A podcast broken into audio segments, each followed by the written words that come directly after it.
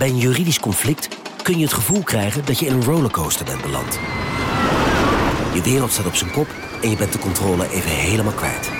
Dan is het fijn als je bent verzekerd bij ARAG. Daar werken topjuristen en advocaten die je begrijpen. Die een stap extra voor je zetten. En je het gevoel van controle teruggeven. Met kennis en informatie, met heldere uitleg en met gericht advies. ARAG, juridisch probleemoplossers.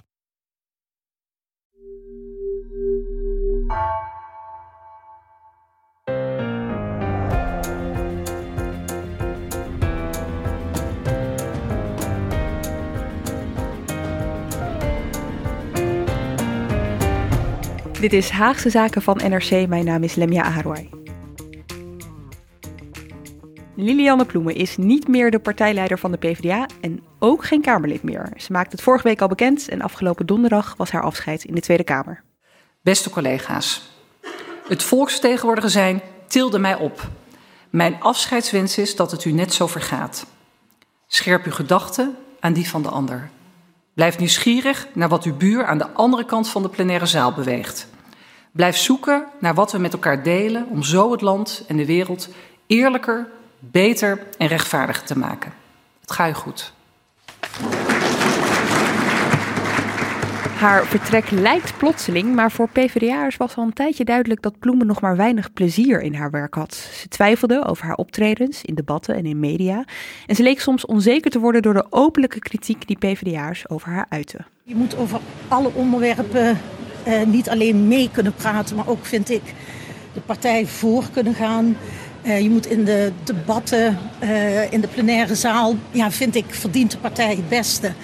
En ik leg de standaard hoog. En ik vind gewoon zelf dat ik dat niet goed genoeg kan waarmaken. Het was bijzonder, want zoveel zelfreflectie hoor je zelden in Den Haag. En er dan ook nog zelf consequenties aan verbinden. Ploemen werd erom geprezen, binnen en buiten de politiek.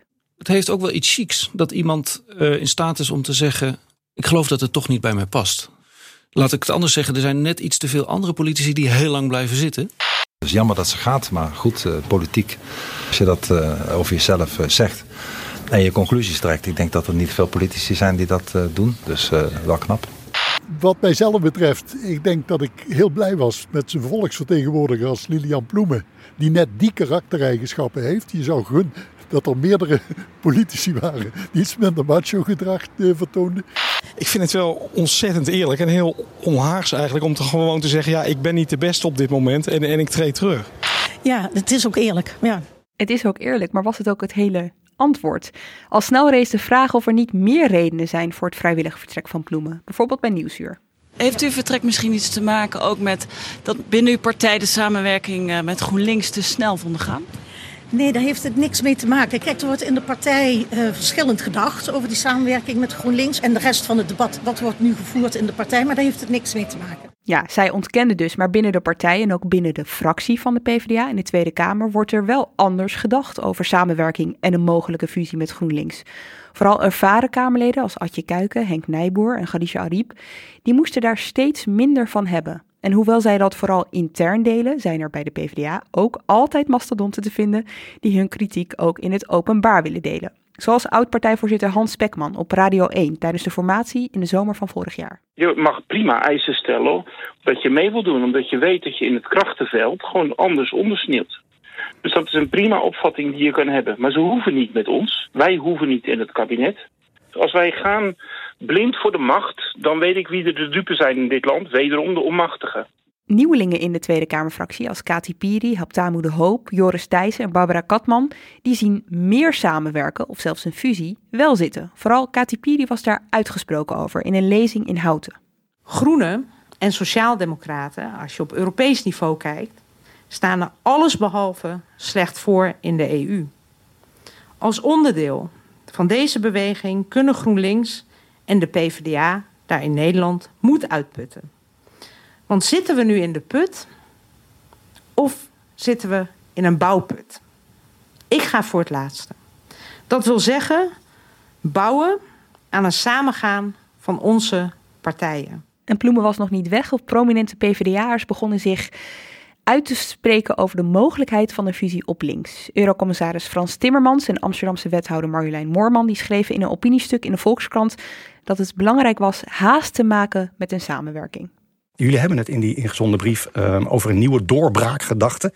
Zoals die er in, uh, in 1946 eigenlijk ook was, hè, bij de oprichting van de PvdA. Toen was de gedachte om de verzuiling te doorbreken. En nu is het idee om de versplintering te doorbreken, eigenlijk? Ja, maar het is misschien een beetje hetzelfde. Al is het natuurlijk nu nog wel veel meer dan destijds. Hè. Je zag toen inderdaad de grote zuilen, de sociaaldemocratie, de christendemocratie, het liberalisme. Mm -hmm. Inmiddels is het nog veel versnipperder. En ik denk dat mensen daar ook wel een beetje de weg in kwijtraken soms. Een fusie als oplossing voor versnippering. Dit citaat van Marjolein Moorman zegt eigenlijk veel over de aflevering die je nu hoort. Over precies die twee thema's gaan we het namelijk hebben in deze Haagse zaken. Waar leidt versplintering toe en waarom is fuseren zo moeilijk? Bij mij Tom-Jan Meijers en nieuw op de Haagse redactie en dus debutant in de Haagse zaken, Denise Retera. Welkom allebei. Tom-Jan, ik begin even bij jou. Dit stuk, dat werd flink gedeeld door PvdA'ers, hè? dat stuk uit de Volkskrant. Mm -hmm. Ik las er het woord fusie niet in. Nee. Wel overwogen? Ik denk wel, want uh, er stond in het woord verbinden. En uh, dat is eigenlijk een, uh, dat komt natuurlijk als je erover, hoeft niet lang over na te denken om te zien dat het eigenlijk hetzelfde is als fuseren. Maar je gebruikt het niet en die, die term is helemaal beladen geworden. Dus als jij als als jij geloofwaardig wil blijven in jouw pleidooi voor meer samenwerking met GroenLinks, kun je heel goed het woord verbinden gebruiken. Want dan roep je minder weerstand op en zeg je hetzelfde.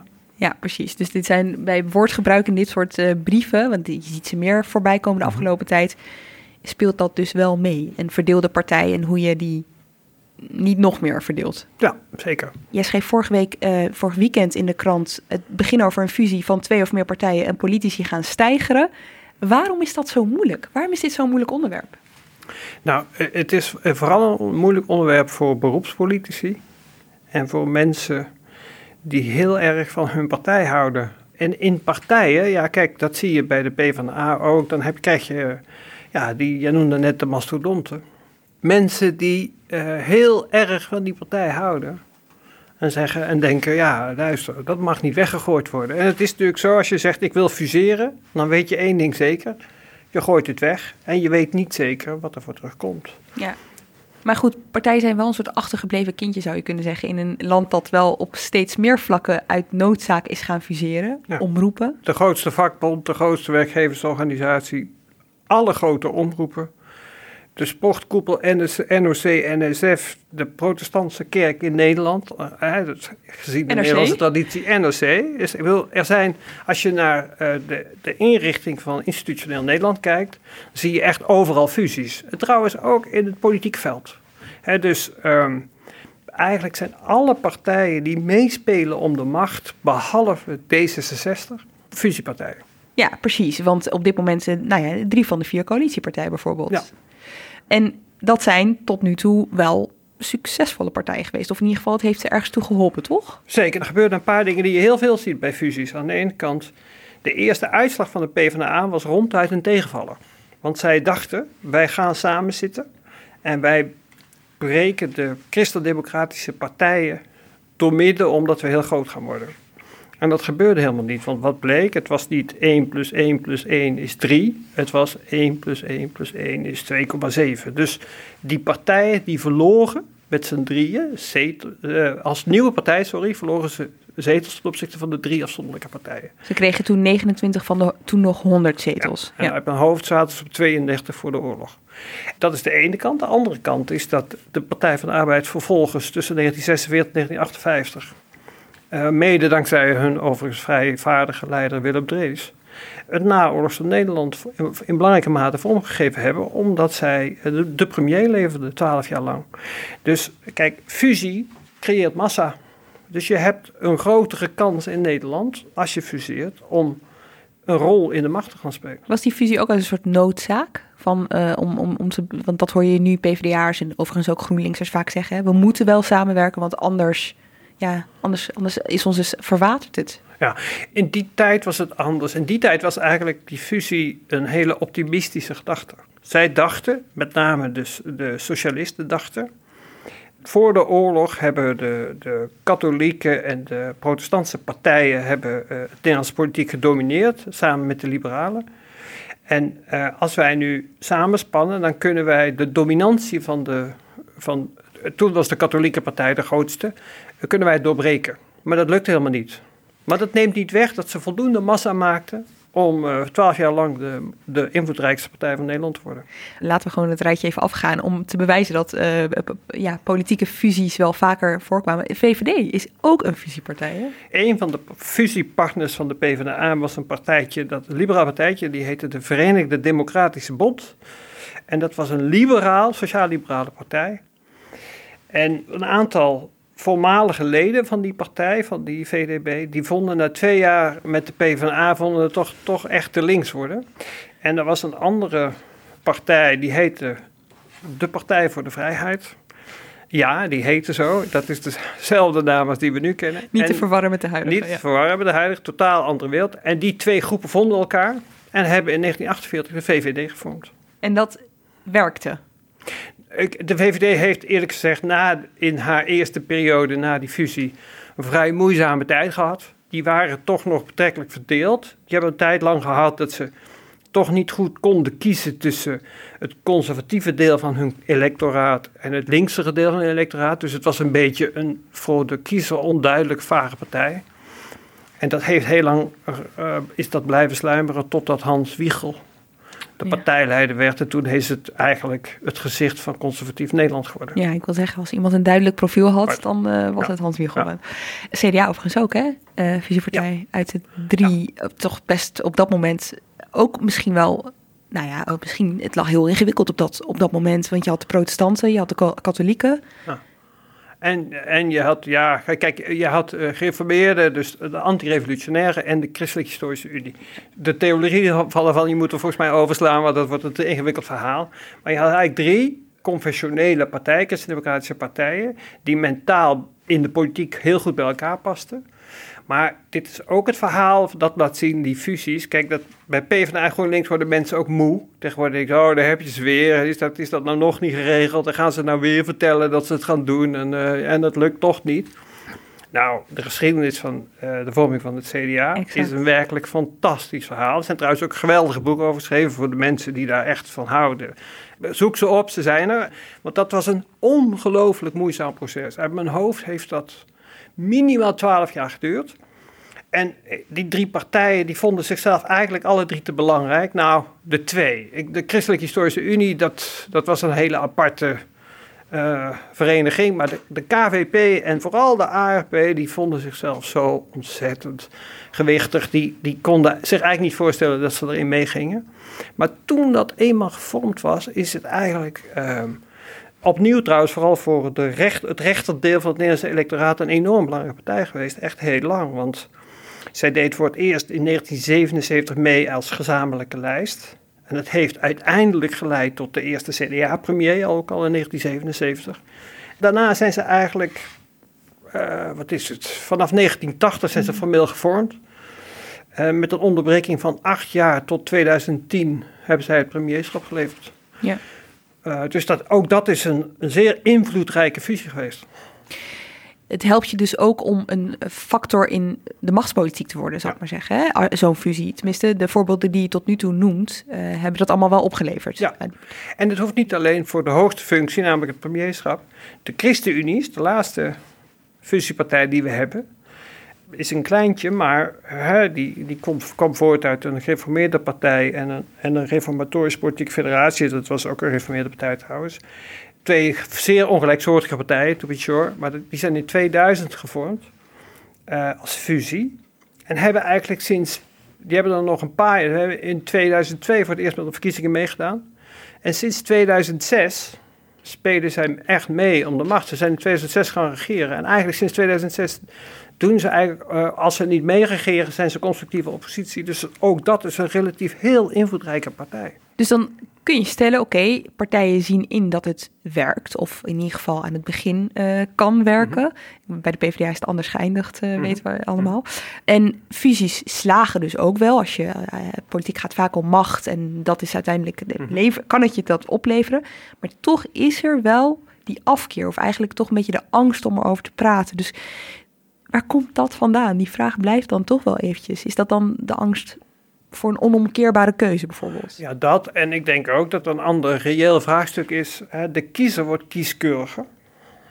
Dus het verlangen naar nieuwe partijen met die een specifieke groep uh, kiezers uh, aanspreekt, is wel heel groot. Dat, dat is zo. Dus je kunt dat zien als een uiting van de individualisering. Of, hè, eerst hadden we de ontzuiling en daarna de individualisering.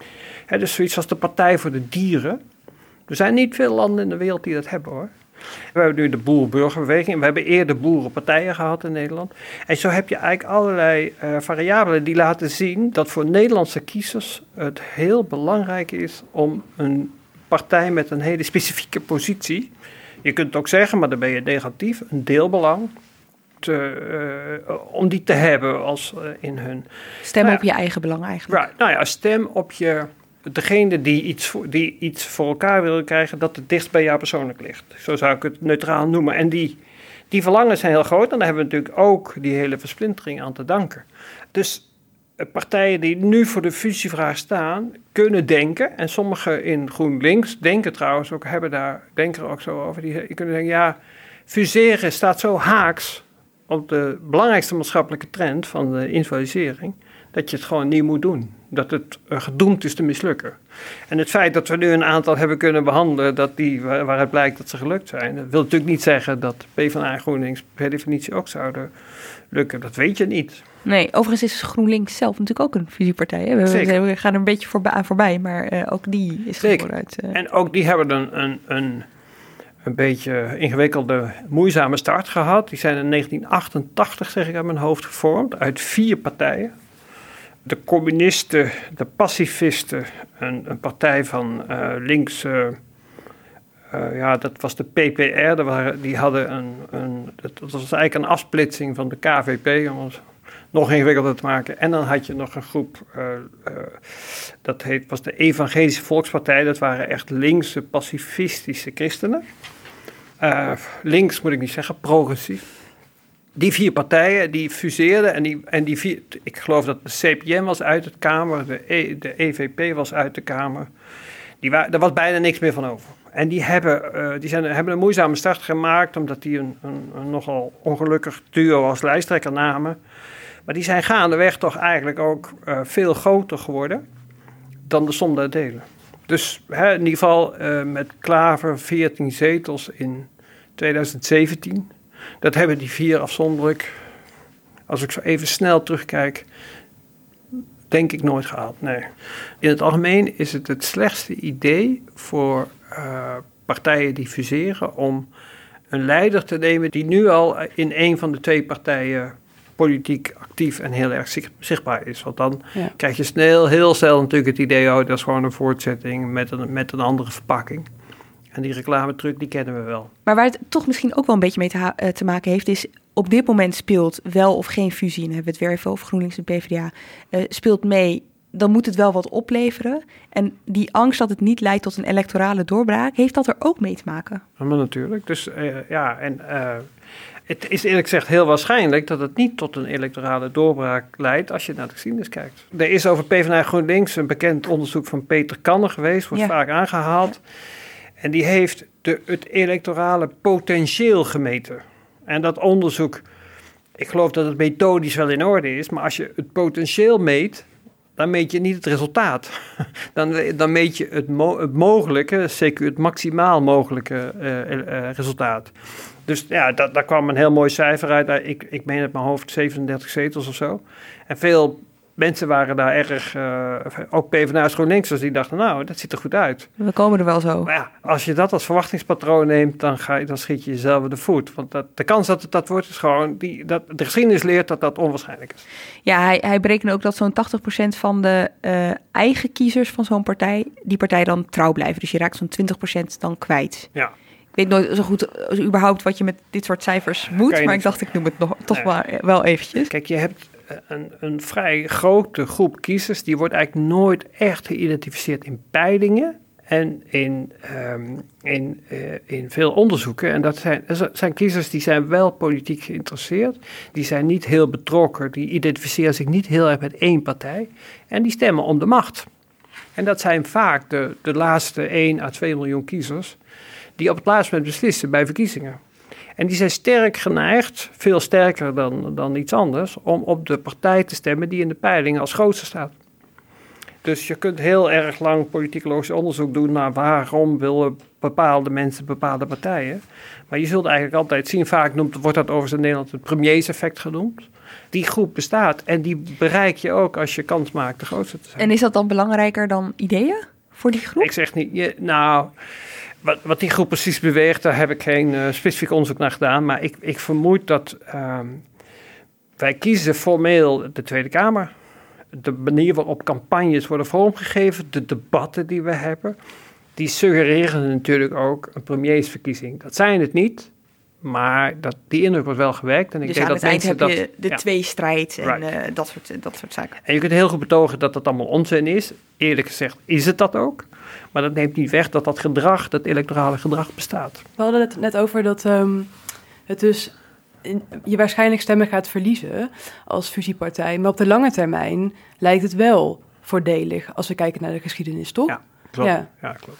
Dan zou ze eigenlijk gewoon een heel lange adem moeten hebben. Nou, kijk, bij, eh, ja, zo, zoiets als het CDA, die hadden dus, eh, in, die, deden, die zijn formeel in 1980 gefuseerd. Ze hebben voor het eerst als gezamenlijke lijst in 1977 meegedaan. Toen hadden ze al een behoorlijk goed resultaat hoor. Maar die zijn echt eh, daarna in de jaren 80 doorgebroken. En ja, onder Lubbers was dat toen. Hebben die een paar verkiezingen ja, echt fantastisch gescoord. Meer dan een derde van de stemmen. Dus uit mijn hoofd 54 zetels. Kun je je nu niet meer voorstellen, maar dat gebeurde toen gewoon. Oké, er zijn argumenten voor, er zijn argumenten tegen. De geschiedenis leert dat het kan helpen. Maar goed, wij kunnen het hier in dit eh driegezelschap wel eh, over hebben. Uiteindelijk gaat natuurlijk de PvdA en de GroenLinks, die gaan er allebei over. Om het even terug te trekken naar de PvdA-fractie. Daar wordt verschillend gedacht over samenwerking überhaupt. Laat staan een fusie. Hoe zou je die scheidslijn kunnen zetten? Nou, als ik het goed heb begrepen, eh, maar ik baseer me dan mede op het stuk Lemja dat jij zelf hebt geschreven. Dus ik, ik wil hier niet met andermans veren pronken. Eh, Mag hoor, ja. eh, speelt hierbij de vraag of de, bij de Eerste Kamerverkiezingen volgend jaar een gezamenlijke lijst van PvdA en GroenLinks wordt gevormd. De leiders van de PvdA en GroenLinks-fractie in de Eerste Kamer zijn daar, denken daar welwillend over. Ja. Ik denk dat je veilig kunt zeggen dat ze ervoor zijn. Meili Vos hè, van de PvdA, Meili Paul Vos. Rozemuller van Ja. GroenLinks. En, en in de PvdA heeft Kati Piri, die je net eh, citeerde, eh, heeft zich uitgesproken, heeft voor, voor uitgesproken. En een aantal jongere Kamerleden van de PvdA willen het ook. En ik vermoed dat dat een meerderheid is, maar het is niet met zekerheid te zeggen. Maar in ieder geval, dan ga je niet fuseren, hè, een gezamenlijke lijst. Maar als je dat doet bij de Eerste Kamerverkiezingen, dan komt het natuurlijk wel op neer dat je eigenlijk niet meer terug kan. Het is eigenlijk in dit proces vermoedelijk de meest fundamentele keuze die gemaakt moet worden. Die is heel actueel, want eh, in de, in de fractie hebben we erover gediscussieerd naar aanleiding van uitspraken van Kati Piri. Maar in juni is er een, eh, ja dat heet bij de PvdA, zeg ik uit mijn hoofd, een algemene ledenvergadering. Maar misschien ook congres, dat weet ik niet. Maar in ieder geval, de leden mogen dan beslissen. En dan komt het voor te liggen, want ik... eh, dit begreep ik over uh, anderhalf week geleden. Er liggen nu al drie moties. eh, er zijn er over ingediend. Dus dit wordt op dat congres het grote punt. Ja, want er zijn ook verschillende scenario's. Hè? Dus Piri heeft het dan over een gezamenlijke Eerste Kamerlijst. Wordt ook gezegd, eh, je kan ook met twee verschillende lijsten de verkiezingen ingaan en vervolgens één fractie vormen. Er gaat van alles rond daarin. Maar ja, niet iedereen is daar, eh, staat daar heel welwillend tegenover. Ook niet in de fractie. Ik noemde het al eventjes aan het begin. hè. En je ziet ook in de opvolging van Ploemen, want dat speelt deze week. Twee kandidaten kandideerden zich. Henk Nijboer en Artje Kuiken.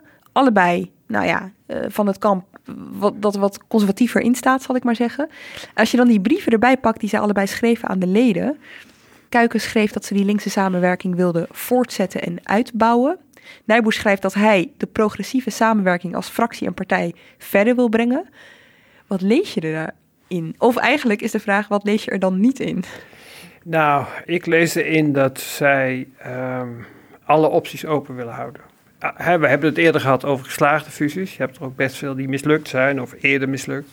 En het is, komt eigenlijk altijd op hetzelfde neer. Als je je niet committeert aan iets uh, dat uh, een fusie of een gezamenlijke lijst is, dan mislukt het. Want kijk, je samenwerking is volstrekt gratuit. Dat kun je altijd doen. Je kunt ook met de Partij voor de Dieren samenwerken of met uh, weet ik veel wat. Dan kan je je terugtrekken. En als je je niet vastlegt, dan gaat het altijd mis, want politiek is een opportunistische wereld. Dus dan vindt zo'n partij altijd een argument om het toch niet te doen. Dus kortom, ik zou denken, uh, ik weet het natuurlijk ook niet zeker, maar ik zou denken, als ze niet tot gezamenlijk lijst van de Eerste Kamer komen, dan is het uh, toch weer mislukt. Ja, en jij zegt net helemaal aan het begin van dit is een belangrijke stap die wel of niet Eerste Kamer, mm -hmm. want dan kun je niet meer terug. Right. En dan denk je natuurlijk al meteen vooruit naar de verkiezingen daarna, uh, tenminste de vol eerstvolgende landelijke verkiezingen. Ja. Dat zijn weer de Tweede Kamerverkiezingen, ja. als ik me niet vergis, mm -hmm. van ja. 2025. Dan moeten ze dan samen gaan optrekken, bedoel jij? Dus nou, dan... kijk, je kunt geen. Ja, het is heel. Kijk, als je gezamenlijk luistert, Eerste Kamerverkiezingen hebt. En als je dan ervoor zou kiezen als partijen om geen gezamenlijke lijst Tweede Kamerverkiezingen te doen, dan zegt natuurlijk ook iedereen: oké, okay, haal maar op die onzin over die samenwerking, want jullie willen helemaal niet. Dus die keuze om het bij de Eerste Kamerverkiezingen te doen, die is zoals het tot nu voor staat de meest fundamentele. Een bepalend moment dus Ja. straks in juni. Nou, Timmermans en Moorman, we hadden het er net al eventjes over. Die zien die eventuele samenwerking slash fusie die ze niet zo noemen, want zij hebben het over verbindenis Ja. tussen de PvdA en GroenLinks als een soort van antwoord op die versnippering van dat politieke landschap. We hebben het hier in Haagse Zaken ook vaak over gehad. In de Volkskrant schrijft ze, om te kunnen besturen moeten er zoveel kleuren worden gemengd dat er alleen nog maar een grijze pap overblijft. Ja, die versplintering is natuurlijk al langer een, eh, een probleem. En uh, wordt ook steeds groter. En nou ja, Tom Jan had het er al even over, over individualisering van de samenleving als belangrijke oorzaak daarvoor. Vroeger stemde je op, uh, nou ja, op de partij die bij je cel hoorde. Ja, nu ben je eigenlijk verantwoordelijk voor je eigen lot. En uh, ga je meer kijken naar ja, wat vind ik, wat is belangrijk voor mij. Een belangrijke oorzaak daarvoor is uh, die onvrede met het establishment en dat mensen naar alternatieven zijn gaan zoeken. naar de flanken vaak.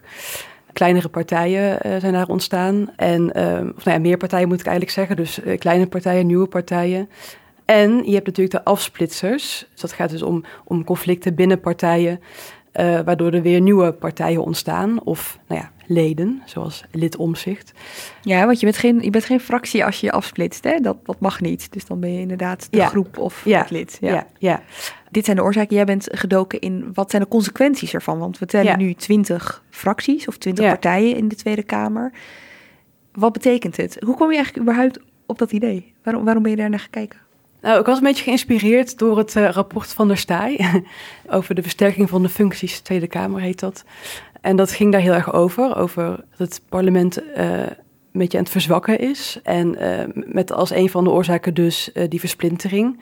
En ik dacht toen eigenlijk dat het, dat het ook heel erg over die commissies ging. En dat rapport achteraf bleek dat eigenlijk wel mee te vallen. En wezen ze daarin vooral op nou ja, meer mensen zouden zich moeten kandideren voor de voorzitterschappen van commissies, uh, voor de rapporteurschappen. Dus dat je je verdiept in één onderwerp binnen een commissie en daarover je commissieleden nou ja, dingen bijleert.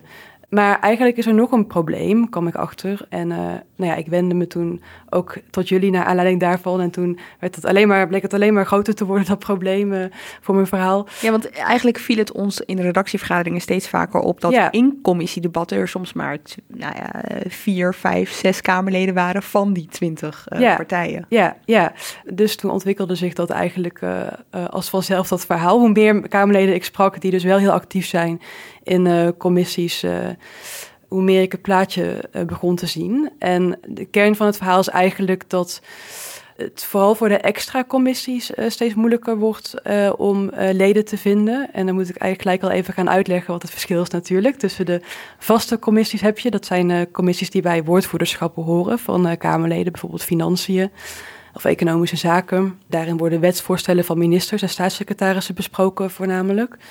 En dus ook nou ja, kennis opgedaan door middel van uh, ronde tafelgesprekken met mensen uit het veld. Dat zijn eigenlijk nog... alle, alle debatten die niet plaatsvinden in die grote Tweede Kamerzaal, maar die vinden ja. plaats in een van die negen commissiezalen. Ja, klinische commissie. Ja. Uh, achterkamertjes, ja. En dan heb je ook nog de extra commissies, zoals ik ze even, ja, dat is even mijn eigen woord ervoor, dus mm -hmm. een officiële benaming voor. En die richt zich op heel specifieke onderwerpen. Bijvoorbeeld, uh, nou ja, we hadden vanmiddag nog even over de commissie Stiekem, over de inlichtingen en veiligheidsdiensten. Uh, of ze gaan over de Tweede Kamer zelf eigenlijk. Bijvoorbeeld over de werkwijze van de Tweede Kamer. Um, je hebt ook parlementaire enquêtecommissies, die kennen we allemaal wel, denk ik. En je hebt tot slot nog werkgroepen. Dat zijn vaak tijdelijke uh, clubjes die dus onderzoek doen naar iets en dan met aanbevelingen komen. En wat heb jij ontdekt? Want jij bent op een gegeven moment bij je cijfers gaan opvragen bij de Tweede Kamer ja, zelf. Nou ja, ik hoorde dus van die, uh, van die wel heel actieve commissieleden dat ze uh, moeite hadden om uh, mensen te vinden voor die werkgroepen, voor die extra commissies, parlementaire enquêtecommissies ook. Dus. En ik hoorde ook steeds meer um, dat um, mensen niet kwamen opdagen bij commissiebijeenkomsten. En er werden ook wel wat namen genoemd. Maar ik dacht, ja, ik moet het wel even gaan checken voordat ik het ga opschrijven. En toen ben ik in die cijfers uh, gedoken. Die kun je hier opvragen in de Tweede Kamer. Toen schrok ik wel een beetje, moet ik zeggen. En uiteindelijk heb ik een sommetje gemaakt. En um, was de conclusie dat, dat 12 van de 20 fracties, dus uh, zeker de helft van de uh, commissiebijeenkomsten missen. En dan heb ik het dus alleen over de bijeenkomsten, niet over alle schriftelijke procedures die je ook nog hebt. Dus echt het fysiek aanwezig zijn zelfs, bij ja, de commissies. Ja. Of nou ja, tijdens corona was het vast ook wel eens een keer digitaal. Maar ja, uh, ja, ja. Dus 12 van de 20 fracties komt op minstens de helft van die vergaderingen niet opdagen. Dan is de eerstvolgende vraag natuurlijk meteen, waarom niet? Wat, wat zijn de verklaringen daarvoor? Nou ja, versplintering dus is een eerste. Uh, ik bedoel, veel fracties zijn gewoon zo klein dat ze simpelweg geen tijd hebben om overal bij te zijn. Het is ook vaak praktisch onmogelijk, want heel vaak overlappen uh, dingen in de Kameragenda, activiteiten. Um... Dat hoor je dan ook hè, tijdens die uh, vergaderingen. Goedemorgen, dames en heren. Ik ben vandaag uw uh, ad interim voorzitter, noem ik, noem ik maar even. Dat, dat doe ik niet vaak, maar dat ga ik vast met verve doen. Er komen nog wat leden zo meteen binnendruppelen. We verwachten ook nog de minister van Justitie en Veiligheid. Die is helaas nog niet binnen, maar die, kunnen we, die verwachten we ieder moment. Daarnaast zijn een aantal leden aanwezig. Het kan zijn dat daar nog leden bij komen. Op dit moment hebben we drie sprekers vanuit de Kamer. Het vierde Kamerlid komt binnen. Mevrouw Mulder, welkom. U bent bijna op tijd. Hartstikke goed van u. Een aantal leden heeft zich afgemeld vanwege uh, plenaire verplichtingen, dus andere debatten. En enkele Kamerleden hebben al aangegeven dat ze niet de gehele ronde tafelgesprek aanwezig kunnen zijn en uh, andere parlementaire verplichtingen hebben en zullen afhaken. Ik zie nog een hand van mevrouw Kruger. Ja, voorzitter, ik uh, moet naar de plenaire zaal voor de regeling. En ik had één punt bij de PV, dus zouden we dat misschien zo direct kunnen behandelen? Uh, we hebben allemaal zes minuten spreektijd. Ik weet niet wat gebruikelijk is aan een aantal interrupties, maar we zijn niet met heel veel. Dus als we er gewoon snel doorheen gaan en kort zijn, dan uh, kan dat heerlijk uit de hand lopen. Ik hoop dat we tot het einde nog wel mensen hebben blijven zitten. Dit is echt fascinerend, hè? Want het is ja. dus een soort van komen en gaan, binnendruppelen. Uh, we kennen gedeelde woordvoerderschappen van partijen die dan voor elkaar eventjes het woord voeren. Klopt, maar ja. dit is toch wel een fenomeen dat... Ja, ja. dat laatste fragment, uh, ik was er net de procedurevergadering van aan het terugkijken. En je zag inderdaad dat, nou ja, het viel eigenlijk nog mee, maar de helft van, heel, iedereen had heel erg netjes aan één kant. En de andere helft was helemaal leeg, die stoeltjes. En ja, de voorzitter was ook helemaal niet de echte voorzitter. Hoe bedoel je? Ook niet de ondervoorzitter. Nou ja, het was gewoon een lid. Zie je dit dan alleen bij kleine partijen? Dus zie je dit bij partijen met weinig zetels, waarbij het een soort van logisch is, je kan niet overal bij zijn, dus je moet uh, tussen debatten heen en weer gaan bewegen? Of zie je dit dus ook bij grote partijen? Ja, nee, je ziet dat de allergrootste partijen, dus uh, VVD, D66, die zitten wel redelijk goed, maar eigenlijk uh, de rest heeft dan wel moeite uh, om bij genoeg bijeenkomsten te zijn. Dus vanaf ja, het CDA ja. zal ik maar zeggen. Ja, het is natuurlijk moeilijk om, om een grens te stellen van bij zoveel zou er moeten zijn. die is er natuurlijk ook niet. Maar vanaf, ja, daarna begint het wel ernstig te worden, ja. Het is wel interessant trouwens dat je zegt zou moeten zijn, want het is natuurlijk niet verplicht. Terwijl het eigenlijk wel de kern is van het parlementaire werk. Want hier wordt gecontroleerd, hier wordt gediscussieerd. Ja, absoluut. Je moet het eigenlijk zo zien, als jij geen kamercommissies hebt die functioneert, dan hebben de plenaire debatten niet zoveel zin, want die, worden dan eigenlijk, die zijn dan eigenlijk niet voorbereid. Die hebben geen thematiek. Je kunt ook zeggen, dit is de grondverf van het parlementaire werk. Dus als je dat verslonst, wat nu gaande is, ik, ik interpreteer het nu, die is, als, je, als ik het ver ga, moet je me ogenblikkelijk corrigeren, maar Als je dat onvoldoende aanpakt, dan zorg je er uiteindelijk voor dat de Kamer ze zichzelf heel veel kansen ontneemt om de regering effectief te controleren. En dat is een elementaire taak van de Tweede Kamer. Dus het lijkt onspectaculair misschien, maar het is een ongelooflijk belangrijk verschijnsel dat hier uh, aan de orde is gesteld. Ja, ja, naar aanleiding van je stuk wees iemand me er ook nog op dat uh, de stemminglijsten worden wel steeds langer. Hè? Dus de moties waarover gestemd wordt. Ja. Uh, en dat betekent ook dat fracties die niet aanwezig hebben kunnen zijn of hebben willen zijn bij commissievergaderingen, omdat mm. ze er niemand voor hadden, of, dat die uiteindelijk wel hun stem moeten uitgaan, gaan uitbrengen. En dat ja. zijn stemmen die vaak wel gaan over dingen. Hè? En die dat dus moeten doen zonder alles wat er voorkwam. Zonder de, de informatie, zonder het debat te hebben meegekregen. Dus het is ook nog eens van direct. Het heeft een direct gevolg voor. Ja, ja. ja, en zeker als je een eenmansfractie bent, want dan heb je ook dus geen andere uh, fractieleden die jou kunnen bijpraten over wat er in hun commissies besproken. Zou je eigenlijk overal in je eentje bij moeten zijn. Maar je moet er wel over stemmen inderdaad. En het zijn toch al vaak uh, ingewikkelde onderwerpen.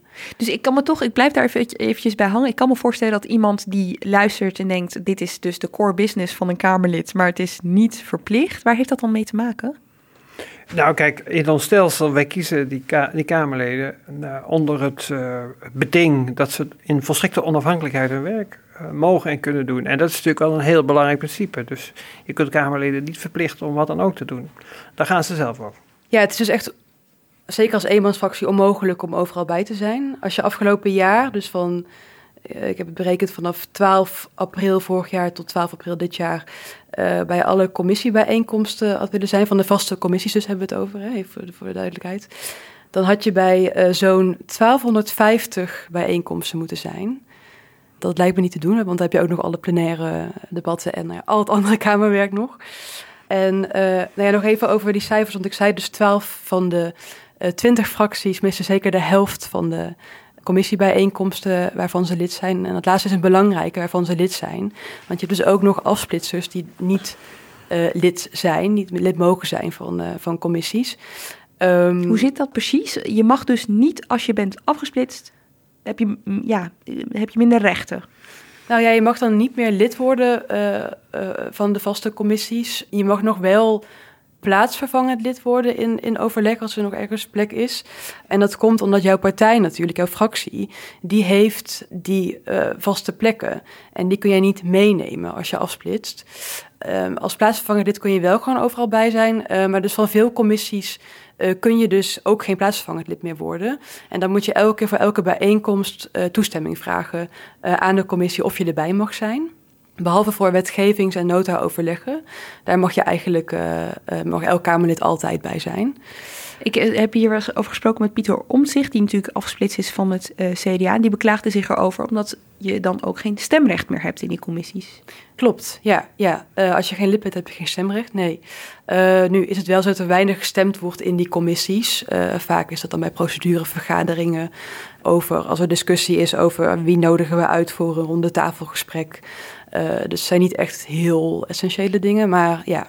Overigens is dit wel iets waar de Kamer zelf over heeft besloten, toch? Ze hebben ooit zelf besloten om die regels voor afsplitsers wat strenger te maken. Ja, ja uh, en eerlijk is eerlijk. Uh, toen dat gebeurde was Pieter Omtzigt lid van de CDA-fractie en die was heel erg voorstander van het kortwieken van hmm. wat dan werd genoemd zetelrovers, wat het formeel natuurlijk niet zijn. Want het zijn mensen die een eigen zetel bezet houden.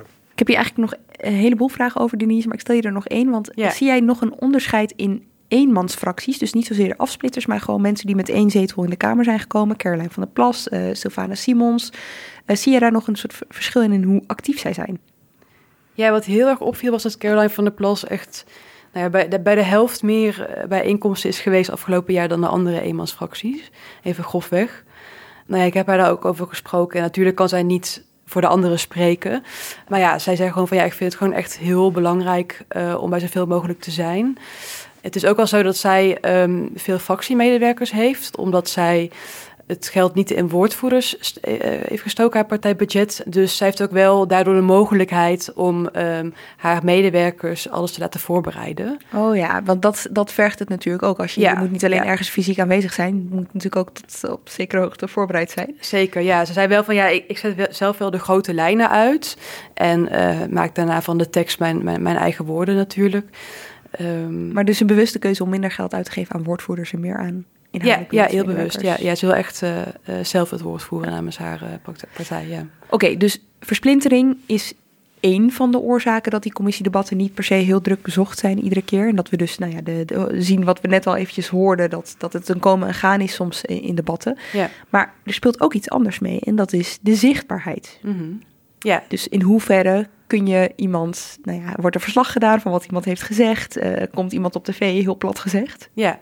ja, dat is ook een heel belangrijke oorzaak. Ja. Ehm, ik sprak daarover dus met die Kamerleden die wel veel commissiewerk doen en met, met Bert van den Braak, eh, parlementair historicus. En toen kwam dat wel echt als een belangrijke eh, oorzaak ook naar voren, inderdaad. Want ja, als je in de plenaire zaal staat te debatteren, dan heb je camera's op je snoet en dan kom je op tv misschien. Je kunt zelf veel meer flitsende Twitter-filmpjes ehm, knippen. Ehm, en nou ja, uiteindelijk is dat ook belangrijk eh, om weer eh, verkozen te worden natuurlijk, om herkozen te worden. En dat is ook wel een beetje, eh, ook voor de grotere partijen geldt, dat hoort niet alleen de kleine. Want vroeger was het ehm, zo, dat zei Bert van den Braak tegen mij, dat bij de grote partijen dat er dan vijf eh, Kamerleden gewoon totaal onzichtbaar waren, vier jaar lang. Omdat die alleen maar in die achterafzaaltjes zaten over wetten te praten. Bij de VVD heeft er ook nog eentje een legendarisch boek over geschreven, hè? Eibertje Bergmoes. Nou, ik geloof trouwens niet dat hij tot enige wetgeving in staat was. Oh, wat ik nu? En, ehm, ja, eh, en, en die werden dan wel gewoon weer op de kieslijst geplaatst. Terwijl nu is zichtbaarheid ook om weer op de lijst te komen heel belangrijk. Omdat je daar ook door je partij op wordt afgerekend op die zichtbaarheid. Ja, ik begreep echt dat als er gesprekken gevoerd worden over eh, de nieuwe lijst, hè, dus als die Tweede Kamerverkiezingen eh, er weer aankomen, dat dat ook echt onderdeel is van die gesprekken. Hoe zichtbaar ben je geweest? Ja, bij bijna alle, alle eh, grotere partijen is, is dat tegenwoordig een reëel referentiekader. Dus hoe kom, ben je in beeld? Kom je in beeld? Kom je voldoende in beeld? En het wordt Kamerleden letterlijk verweten als ze dat niet zijn. En dan zie je natuurlijk ook wel dat hè, we kunnen hier bezorgd gaan zitten doen over het feit dat parlementariërs niet meer begrijpen wat de functie van een parlementariër is. Maar die partijen die begrijpen het dus ook niet meer. Dus dat is best een serieus vraagstuk ook. Maar goed, je kan zeggen, die zichtbaarheid zie je in de plenaire zaal, hè, want daar hangen die camera's en het wordt allemaal live uitgezonden, Politiek 24 en zo. Aan de andere kant, die commissiedebatten zijn hartstikke inhoudelijk. Dus daar kun je ook zichtbaarheid krijgen door te komen met een eh, te gek voorstel. Want het gaat niet alleen over de voorstellen van het kabinet, maar het kan ook gaan over voorstellen van Kamerleden. Dus ik, ik zit daar nog een beetje over na te denken. eh, hè? Eh, je kan zeggen, het is een media dingetje, die speelt er ook een rol. Je kan ook zeggen, ja, je kan je er ook niks van aantrekken. Ja, je kunt ook gewoon zeggen van ja, het is ook gewoon je werk om als wat je als Kamerlid moet doen, toch? Eh, Of het nou zichtbaar is of niet. Je wordt ervoor betaald. Dat zei Caroline van der Plas ook. Van ja, eh, we krijgen hier een vrij eh, royaal eh, loon. en dan vind ik dat je daar ook wel voor moet doen wat je moet doen. Ja. Aan de andere kant, ja, je kan je bij die eenmansfracties ook afvragen, ja, je kan overal zijn, maar kun je ook alles goed doen? Want ja, dat is een goede vraag. Ja. daar Ja. gaat het natuurlijk ook over. Je hebt partijen met een aantal zetels waar nu, waar ook wel gesproken wordt sinds de laatste verkiezingen van waar, waar gaan we ons op focussen en wat Ja. laten we gaan. Ja. Dus dat speelt ook een rol. Ja. ja, er zijn ook wel eenmansfracties die eh, eh, toch wel zich meer focussen op bepaalde onderwerpen. En ook dan vooral bij die commissies zijn. Bijvoorbeeld Liane Den Haan, eh, die doet dat. Dus ja, dat is ook een keuze. Oké, dus het heeft te maken met zichtbaarheid, het heeft te maken met eh, versplintering. Vraag die erboven blijft hangen is, hoe erg is dit? Ten koste van wat gaat dit? Ik zou denken, kijk, eh, dat er twee grote verschijnselen zijn. Het eerste is, we hebben het heel vaak ook over verruwing van de parlementaire zeden. Hè? Dus dat mensen een steeds grotere mond opzetten en taalgebruik hanteren en verwijten hanteren die te ver gaan. En ik denk dat dat een uiting van hetzelfde verschijnsel is. Namelijk, als je als eenmans of kleine fractie moet kiezen hoe krijg ik aandacht, dan eh, is het eh, vaak veel effectiever om in een plenaire zaal een keer een grote mond op te zetten dan dat grondige elementaire werk in de commissie Economische Zaken en Klimaat te doen. Over het SD++-programma, over hoe dat heet mogen. Hè, dus dat eh, speelt hier eh, een grote rol.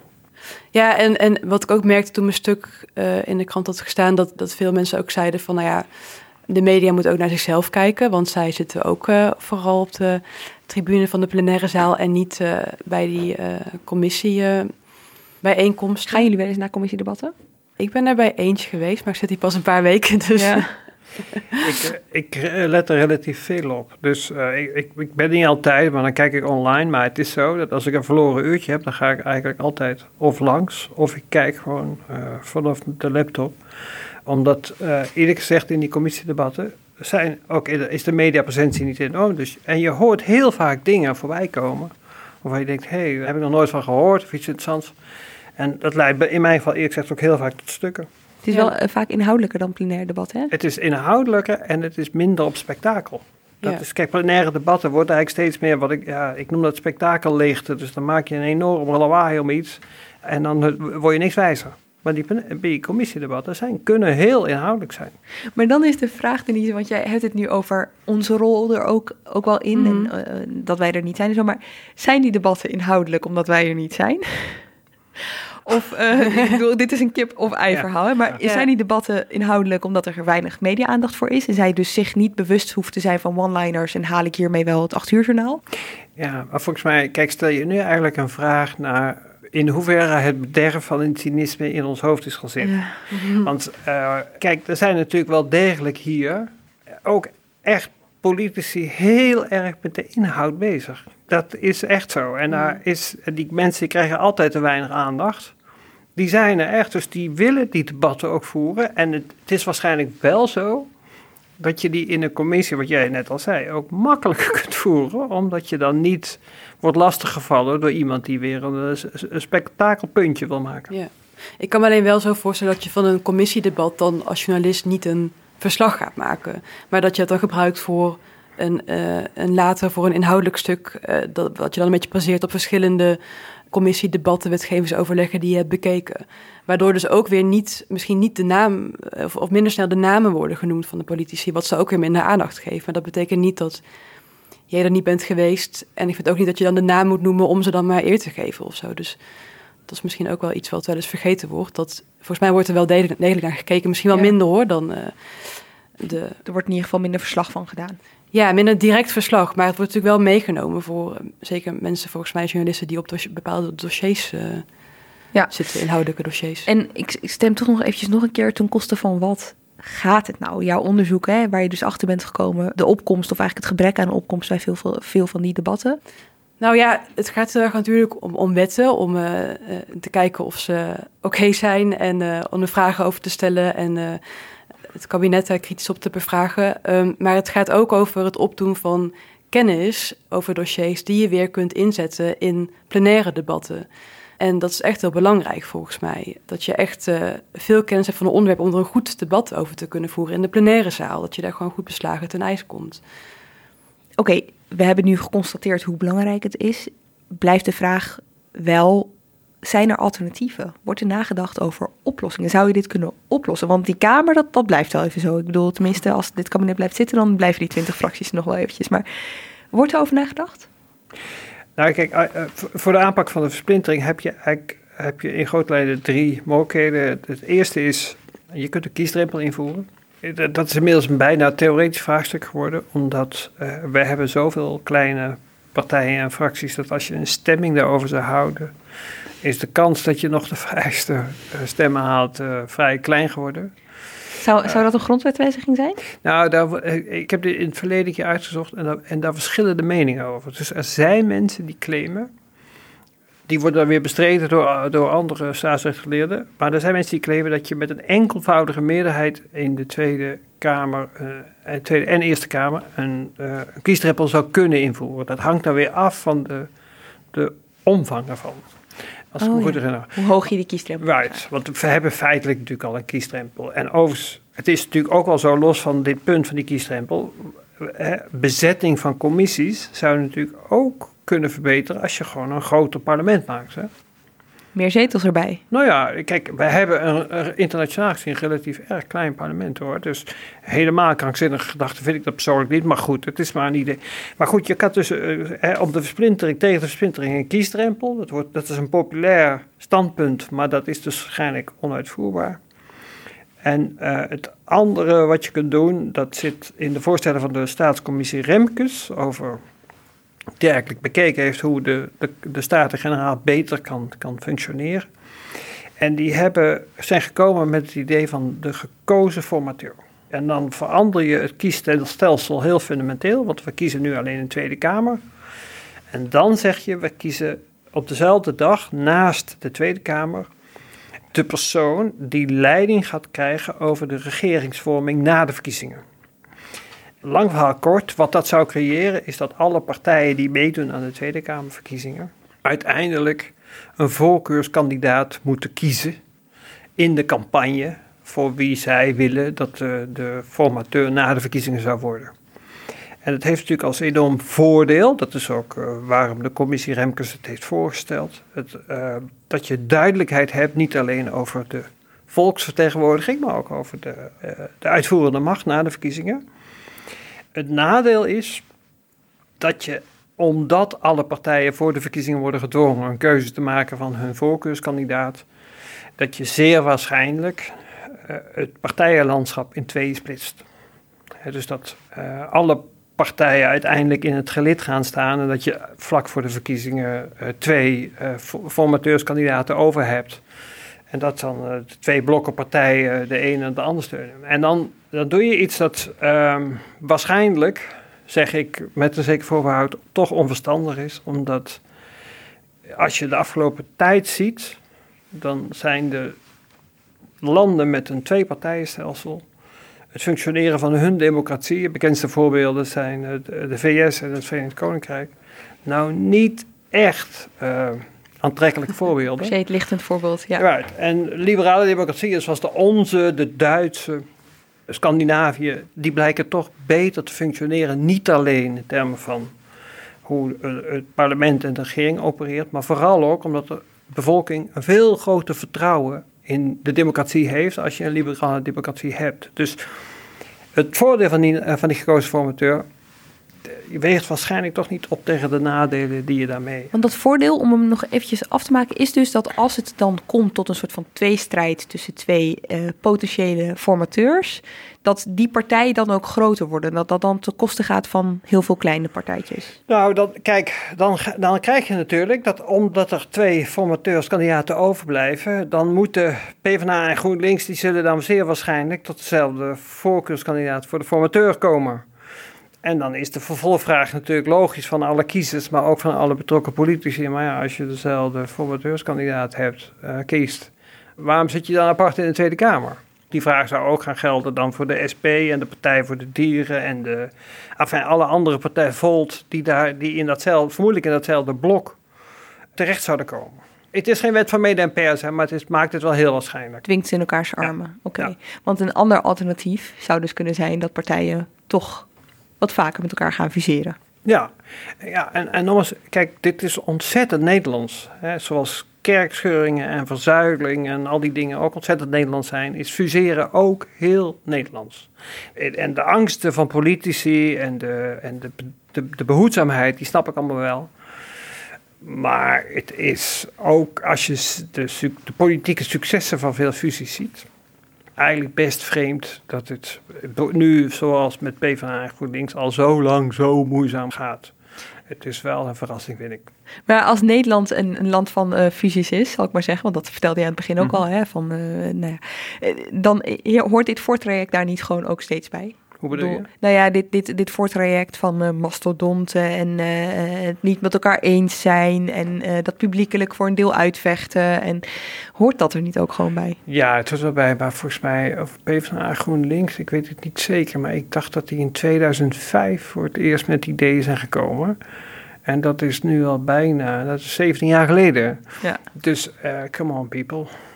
Ja, goed. Even samenvattend. Dat uh, versnipperende politieke landschap of versplinterde politieke landschap en uh, de groeiende nadruk op zichtbaarheid, ook bij die Kamerleden, omdat het ze hun plek op de lijst kan kosten voor een volgende keer of niet. Dat leidt tot lege plekken in belangrijke commissies van de Kamer. Mogelijke oplossing ligt dus bij fusies. Je noemde het net al eventjes, Tom-Jan. Uh, we hebben het uitgebreid besproken. Fuseren is niet alleen moeilijk, voor sommige partijen toch nog steeds wel ook een soort taboe. Het zit allemaal een beetje vast. Mhm. Mm -hmm. En om het dan weer eventjes terug te brengen tot de PvdA. Ploemen is vertrokken. De strijd om het PvdA-leiderschap kortstondig losgebarsten. Duurde ongeveer een week, volgens mij precies een week. Vrijdag hoorden we wie haar opvolger wordt. Goedemorgen. Adje Kuiken is de nieuwe fractievoorzitter van de PvdA in de Tweede Kamer. Ik heb er heel veel zin in, maar ik vind het ook echt wel heel spannend. Want het staat ons een belangrijke klus te wachten. Oké, okay, Adje Kuiken wordt het dus. Wat zegt dit over die mogelijke fusie op links? Uh, ik weet niet of het heel veel betekent. Want uh, kijk, uh, Timmermans, Frans Timmermans en uh, Marjolein Moorman hebben, daar hebben we het eerder over gehad, in de Volkskrant hun steun voor het verbinden van GroenLinks en de Partij van de Arbeid uitgesproken. Dat zijn de twee electoraal succesvolste politici van die partij. Uh, en die hebben denk ik echt veel meer invloed op de leden die er uiteindelijk over gaan dan welke fractievoorzitter dan ook. En je hoort ook deed het, hè? de partij gaat erover, niet de fractie. Ja, en dat is een heel belangrijk punt overigens, want er zijn afgelopen jaren twee keer stemmingen geweest over, onder de PvdA-leden. Kijk, GroenLinks is sowieso voor, hè? er is wel weerstand overigens, maar die zijn sowieso voor. PvdA-leden hebben in 2020 uitdrukkelijk tegen de wens van het partijbestuur of de partijtop in al met 40% van de stemmen voor een fusie gekozen. In 2021 was, ging het om een lijstverbinding. Toen was het 45% voor, terwijl uh, de partijtop uitdrukkelijk de motie ontraadde. Met andere woorden, als het, de partijtop nu hun eigen woorden gestand doen en zeggen: uh, het gaat om de partij, de leden kiezen en ze zouden het neutraal houden en dan zich, zich niet tegenaan bemoeien, dan is de kans dat de PvdA in meerderheid voor een fusie zou kiezen ontzettend groot. Zie je het gebeuren? Ik, ik, Want bij ik, weet, ik ben oud genoeg om te weten dat je dingen nooit moet voorspellen, maar als er de kans voor een, in ieder geval een gezamenlijke lijst bij de Eerste Kamerverkiezingen volgend jaar is nog nooit zo groot geweest. Mag je daar verslag van doen in, in jouw nieuwe periode, Denise? Dat valt dan toch wel mooi samen. Dank jullie wel. Tom Jan en Denise Retera. Uh, dank ook voor het luisteren. Redactie en productie van deze aflevering waren in handen van Mirjam van Zuidam. Montage door Pieter Bakker. komende twee weken zijn we er even niet in verband met het reces. Maar daarna weer wel. Graag tot dan.